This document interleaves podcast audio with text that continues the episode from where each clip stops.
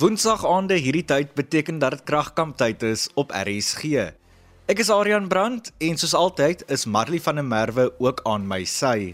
Die kompetisie is omtrent aan die brand op die oomblik en die deelnemers praat 'n hond uit 'n bos uit met hierdie uitdaging. Jep, net soos ons land se parlementslede soms doen. Of nie doen nie.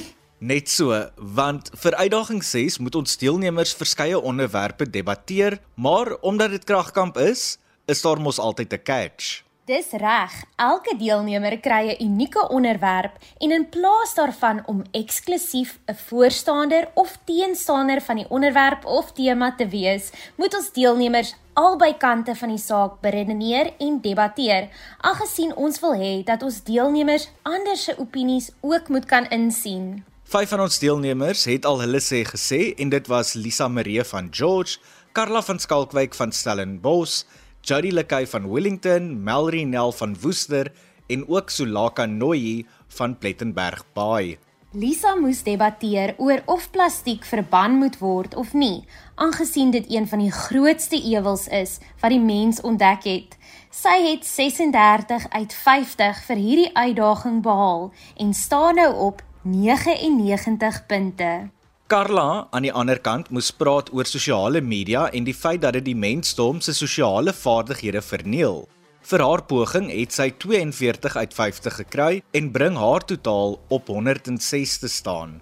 Jody het 35 punte gekry nadat hy op sy beurt die idee van 'n 4-dae skoolweek moes debatteer, aangesien skoolkinders te veel huiswerk kry. Leerders kan self besluit waaraan hulle aandag wil skenk op die 5de dag.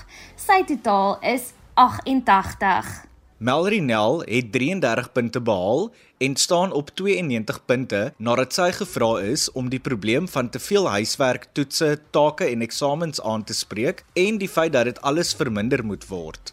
Die laaste deelnemer van wie ons verlede week gehoor het, was Sulaka Nooi van Plettenberg Bay vir haar onderwerp oor gesondheidsorg en die feit dat dit gratis aan elke Suid-Afrikaner aangebied moet word. Het ons kenner, ekspert en beoordelaar vir haar 39 uit 50 toegeken en sy staan nou op 101. Voordat ons laaste 3 deelnemers die vloer vanaand vat, en ons ekspert Dr Elbi Adendorf verbonde aan die Universiteit Stellenbosch haar terugvoer deel herinner ek jou gou sommer dat jy die deelnemers se toesprake op die RSG Instagram bladsy kan sien en ook volg. Volg ons by RSG_100 104 FM en indien jy nie op Instagram is nie onthou jy kan ook die deelnemers se toesprake gaan potgooi op die RSG webwerf rsg.co.za Klik op potgooi, soek onder Kompas en luister daar na die laaste 2 weke se kragkamp programme. Die eerste deelnemer op die podium vanaand is Claudia Stip van die Kaap. Sy het 'n ietwat kontroversiële onderwerp gekry. Dissipline onder skoolkinders is uiters swak en daarom behoort die praktyk van lyfstraf soos 'n pak slaag by skole en by die huis toegelaat te word. Kan Claudia vir ons en Dr Elbi oortuig? Kom ons hoor.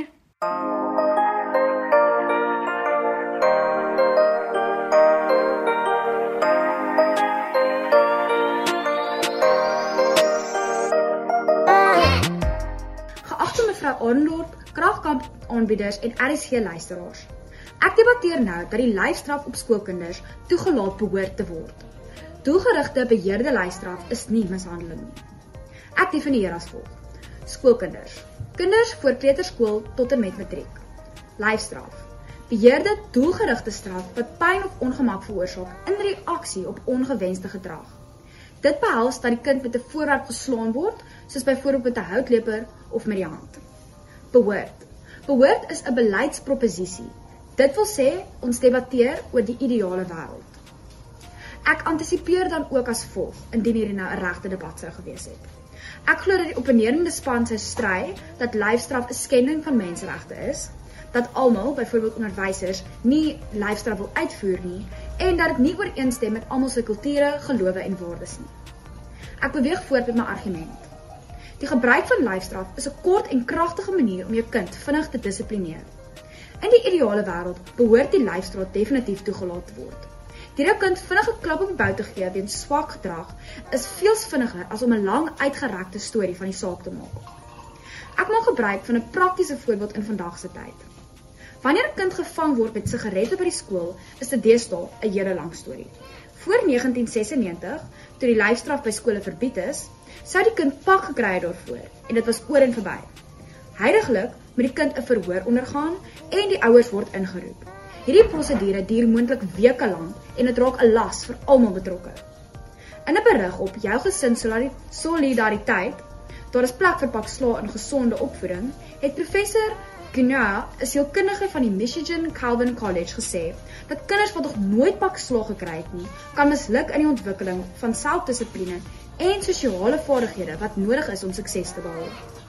Lyfstraf moet dus toegelaat word, want dit is 'n effektiewe manier om dissiplinering vinnig uit te voer en dit kan selfs lei tot selfdissipline onder die kind. Dankie. Hallo Claudia, dit is natuurlik die moeilike kant van die saak dink ek, maar ek dink jy slaag heel um, goed daarin om oortuigend oor te kom. Waarvan ek gehou het is dat jy vir ons duidelik dan gestel het dat wat is jou argument omdat jy dit binne die raamwerk sit van doelgerigte en beheerde lyfstraf is die mishandeling nie en dat dit 'n kort en met ander woorde dat dit 'n kort en kragtige manier is en vinnig om 'n kind te dissiplineer. So waarvan ek weer eens gehou het in jou definiering is dat jy vir ons gesê het hoe verstaan jy ehm um, skoolkinders en weer eens lyfstraf ehm um, gedefinieer het met voorbeelde daarvan en jy het hier by die woordjie behoort uitgekom om te sê dat dit 'n beleidsproposisie is. Um en dit beteken dit is die ideale wêreld. Wat vir my goed hier was is dat jy dit gedoen het omdat jy dan in jou argument dan teruggekeer het na in 'n ideale wêreld, weet dit dit dit. Um ek dink as jy wil sê dis 'n beleidsproposisie moet jy vir ons net sê op grond waarvan doen jy dit? Weereens het jy geantisipeer wat jy dink die opponente sal sê. Ten opsigte van jou argument wat dit 'n kort en kragtige manier is om vinnig te dissiplineer, ek hou daarvan. Ek hou van die praktiese voorbeeld wat jy gebring het van die sigarette op skool en dat jy ook die wetgewing ingebring het met hoe dit tans hanteer word. Let op tans en nie huidigelik nie. En ehm um, ek dink dis iets waarmee baie skoolkinders sal identifiseer as hierdie voorbeeld van jou. Weereens het jy goeie navorsing gedoen en ehm um, wat alles ter ondersteuning van jou argument is. Jou struktuur is weer 'n keer goed. Ek kan agterkom daar's 'n inleidingkie, daar's jou liggaamsgedeelte waar jy beredeneer en dat jy 'n slot ehm um, ge, gedagte het. Weer eens hier en daar 'n baie klein taalfoutjie, maar ehm um, jy gebruik debatstaal. Jou aanbieding is goed. Weer eens dink ek, miskien kan jy uh, meer praat met die gehoor en nie aflees nie, maar ek dink jy het jouself goed van jou taak gekwyt en ek gee vir jou punt van 22 uit 25. Dit wil vir my voorkom asof Claudia 'n ding of twee weet van debat, want haar 22 uit 25 is 'n bewys daarvan. Maar is dit moontlik dat lyfstraf nie die oplossing tot swak dissipline is nie? Sy stel nou die kant van die saak. Agter mevrou Arendorp, kragkamp aanbieders en RSG luisteraars. Ek debatteer nou dat die lyfstraf op skoolkinders nie toegelaat behoort te word nie. Die lyfstraf is in 1997 eers in Suid-Afrika verbân. My oupa was dus in sy skool dan nog daarmee gestraf. En die stories wat ek al gehoor het, het beslis nie geklink asof 'n pak slaag hom gekeer het om kattekwaad aan te vang nie. Ek definieer as volg: Skoolkinders is kinders vanaf kleuterskool tot en met matriek lyfstraf. Doelbewuste pyn of ongemak wat veroorsaak word in reaksie op ongewenste gedrag. Dit behels dat die kind met 'n voorwerp geslaan word, soos 'n rotang, houtlepel of met die hand. Grense. Ek debatteer oor lyfstraf wat uitgevoer word by die skool deur onderwysers met of sonder toestemming of by die huis deur familielede. Ek antisipeer dat indien hier nou 'n regte debat was, dat die inleidende span sou debatteer dat die lyfstraf tog 'n mate van dissipline sou skep en dat die Christen geloof dit bevorder en dis nie reg om hulle geloofwaardes af te skeep nie. Laat ek met die deur by die huis inval met my argument. Lyfstraf is geen oplossing vir kinders se swak dissipline nie. Volgens 'n artikel wat in 2015 op Netwerk 24 gepubliseer is, is 'n pak slaag die antwoord. Gaan die skrywer voort om te verduidelik dat die lyfstraf geen langtermyn effek op kinders se gedrag het nie. 'n Navorser van die Columbia Universiteit en haar bevindinge was as volg: Die lyfstraf sal dalk jou kind se gedrag onmiddellik stop, maar die gedrag sal oor die langtermyn nie voorkom word nie veral as die ouer nie teenwoordig is nie. Lyfstraf leer die kind nie waarom die gedrag onaanvaarbaar is nie en dus leer hulle nie hoe om hulle gedrag te verbeter nie. Hulle tree bloot beter en soeter op om pakslae te vermy. En almal weet, wanneer die kat weg is, is die muis baas. Dit blyk dus duidelik dat die lyfstraf geen langtermyn effek op kinders het nie. Dis behoort dit nie toegelaat te word nie. Hallo Claudia, um, jy praat oor 'n baie interessante onderwerp en ehm um, Ek dink natuurlik ook nogal aktueel die hele ding van dissipline en lyfstraf en ek kan sien en agterkom dat jy het mooi gaan dink oor die hierdie onderwerp. So wat die struktuur betref, het jy vir my ook 'n baie mooi struktuur met 'n inleiding en 'n liggaamsgedeeltjie en dan ook 'n slot waar jy dan ehm um, weet 'n appel op die gehoor gehoor maak. En ehm um, wat die definisie betref, het jy ehm um, definieer die onderwerp goed in die opsig dat jy vir ons mooi dan afbaken van watter skoolleerders word gepraat. Jy gee vir ons 'n definisie van lyfstraf en hoe lyfstraf verstaan word en jy gee vir ons voorbeelde daarvan. En dan stel jy vir ons wat ons dan noem die grense van die debat, naamlik skool en huis en die beklemtoon die feit van dit daar's nie noodwendig met of sonder toestemming van onderwysers die lyfstraf of die ouers nie. Verder doen jy wat 'n mens in 'n regte debat weet verwag soos wat jy dit noem die antisipasies. Met ander woorde watter argumente dink jy die opponerende span of persoon sal aanraak? En dan ehm um, beredeneer jy baie sterk jou argument naamlik dat lyfstraf nie 'n oplossing vir dissipline is nie jy bly gefokus daarbey met jou redenering en ook die bronne wat jy gebruik het en dit bewys en staaf alles dat jy voel dit is nie um, 'n oplossing vir die dissipline probleme nie. Jy praat oortuigend. Ehm um, jou aanbieding is redelik goed. Ek dink ek sal vir jou sê probeer om dalk nie so af te lees nie en probeer meer praat met die gehoor sodat die kontak met die gehoor nie verlore gaan nie. Met ander woorde dat jy oogkontak maak met die gehoor, die kamera in hierdie geval, um, om dan ook so um, met jou gesigsuitdrukking en jou lyfstaal die gehoor te probeer oortuig dan van um, argument raak jy aan en wat is jou standpunt? Um, wat jou taal betref, um, jou taal is oor die algemeen goed. Ek het hier en daar 'n klein taalfoutjie um, opgetel, maar jy het ook 'n idioom ingewerk. So oor die algemeen dink ek het jy heel goed gevaar, um, Claudia, en ek gee vir jou 'n punt van 22 uit 25. En weer eens kry Claudia 22 uit 25 en dit bring haar totaal vir hierdie uitdaging op 44 te staan. Haar kragkamp totaal met die vorige uitdagings ingereken is dus triple 1 111. Volgende aan die woord is Jaco J A C O Venter van Durbanville. Jaco het 'n meer prettige en innoverende onderwerp gekry, naamlik elke skoolkind in Suid-Afrika behoort 'n skootrekenaar of tablet tesame met gratis onbeperkte data te ontvang om hulle met hul skoolwerk en huiswerk te ondersteun. Kan Jaco ons daarvan oortuig dat dit 'n goeie idee is en wat dink Dr Elbi? Hulle is nou aan die woord. Ek verstaan dat leerders in enige tipe skool wat beide privaat en staatskole insluit, moet 'n toestel ontvang waarop hulle gratis toegang tot onderwyshulpmiddels het.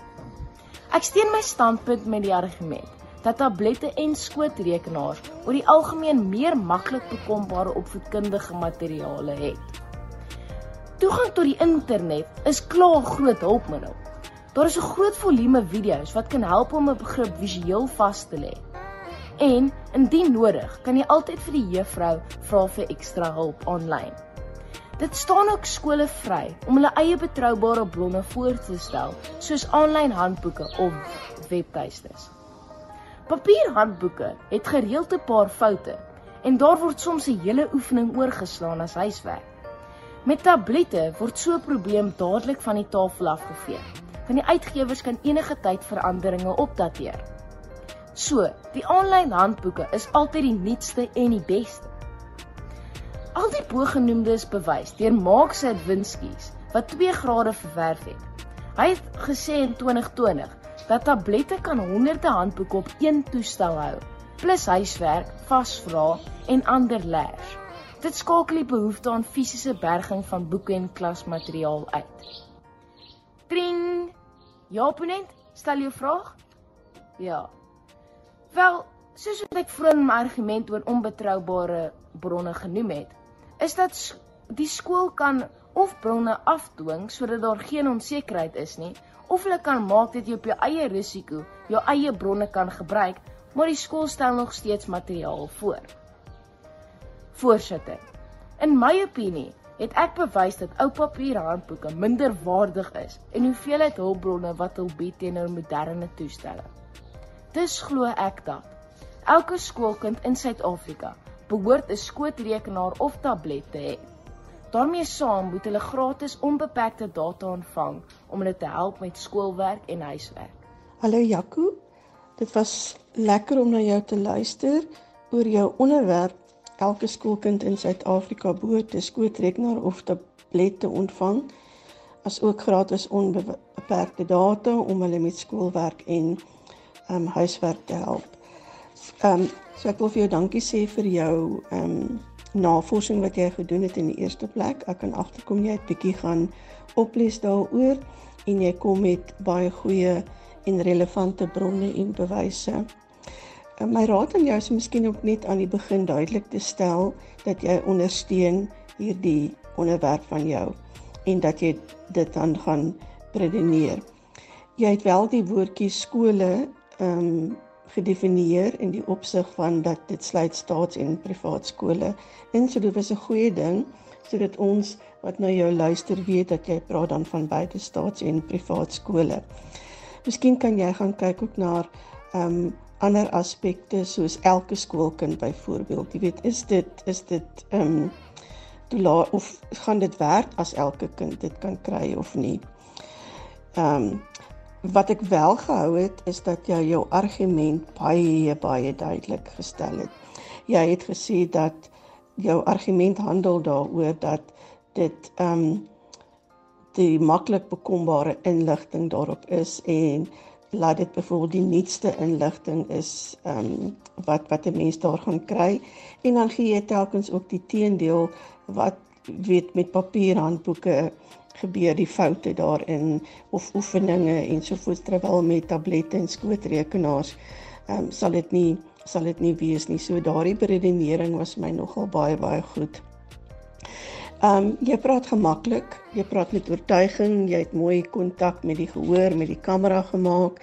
Ehm um, jy het 'n natuurlike aanbieding. Ehm um, hier en daar 'n taalfoutjie. Ehm um, onthou ons sê nie in my opinie nie, maar dis eerder na my mening of my mening is as jy dit so wil stel. Maar jy het 'n baie mooi logiese betoog en jou aanbieding uh, wat goed is. So ek gee vir jou 'n punt van um, 20 uit 25. Dr. Elbi klink beïndruk en Jaco ontvang 20 uit 25. Vir nou staan sy groot totaal op 85 punte. Die sand in die kragkamp uurglas hardloop vinnig uit. Kragkamp is aan jou gebring onder die leiding van Kobus Burger, RSG se programbestuurder.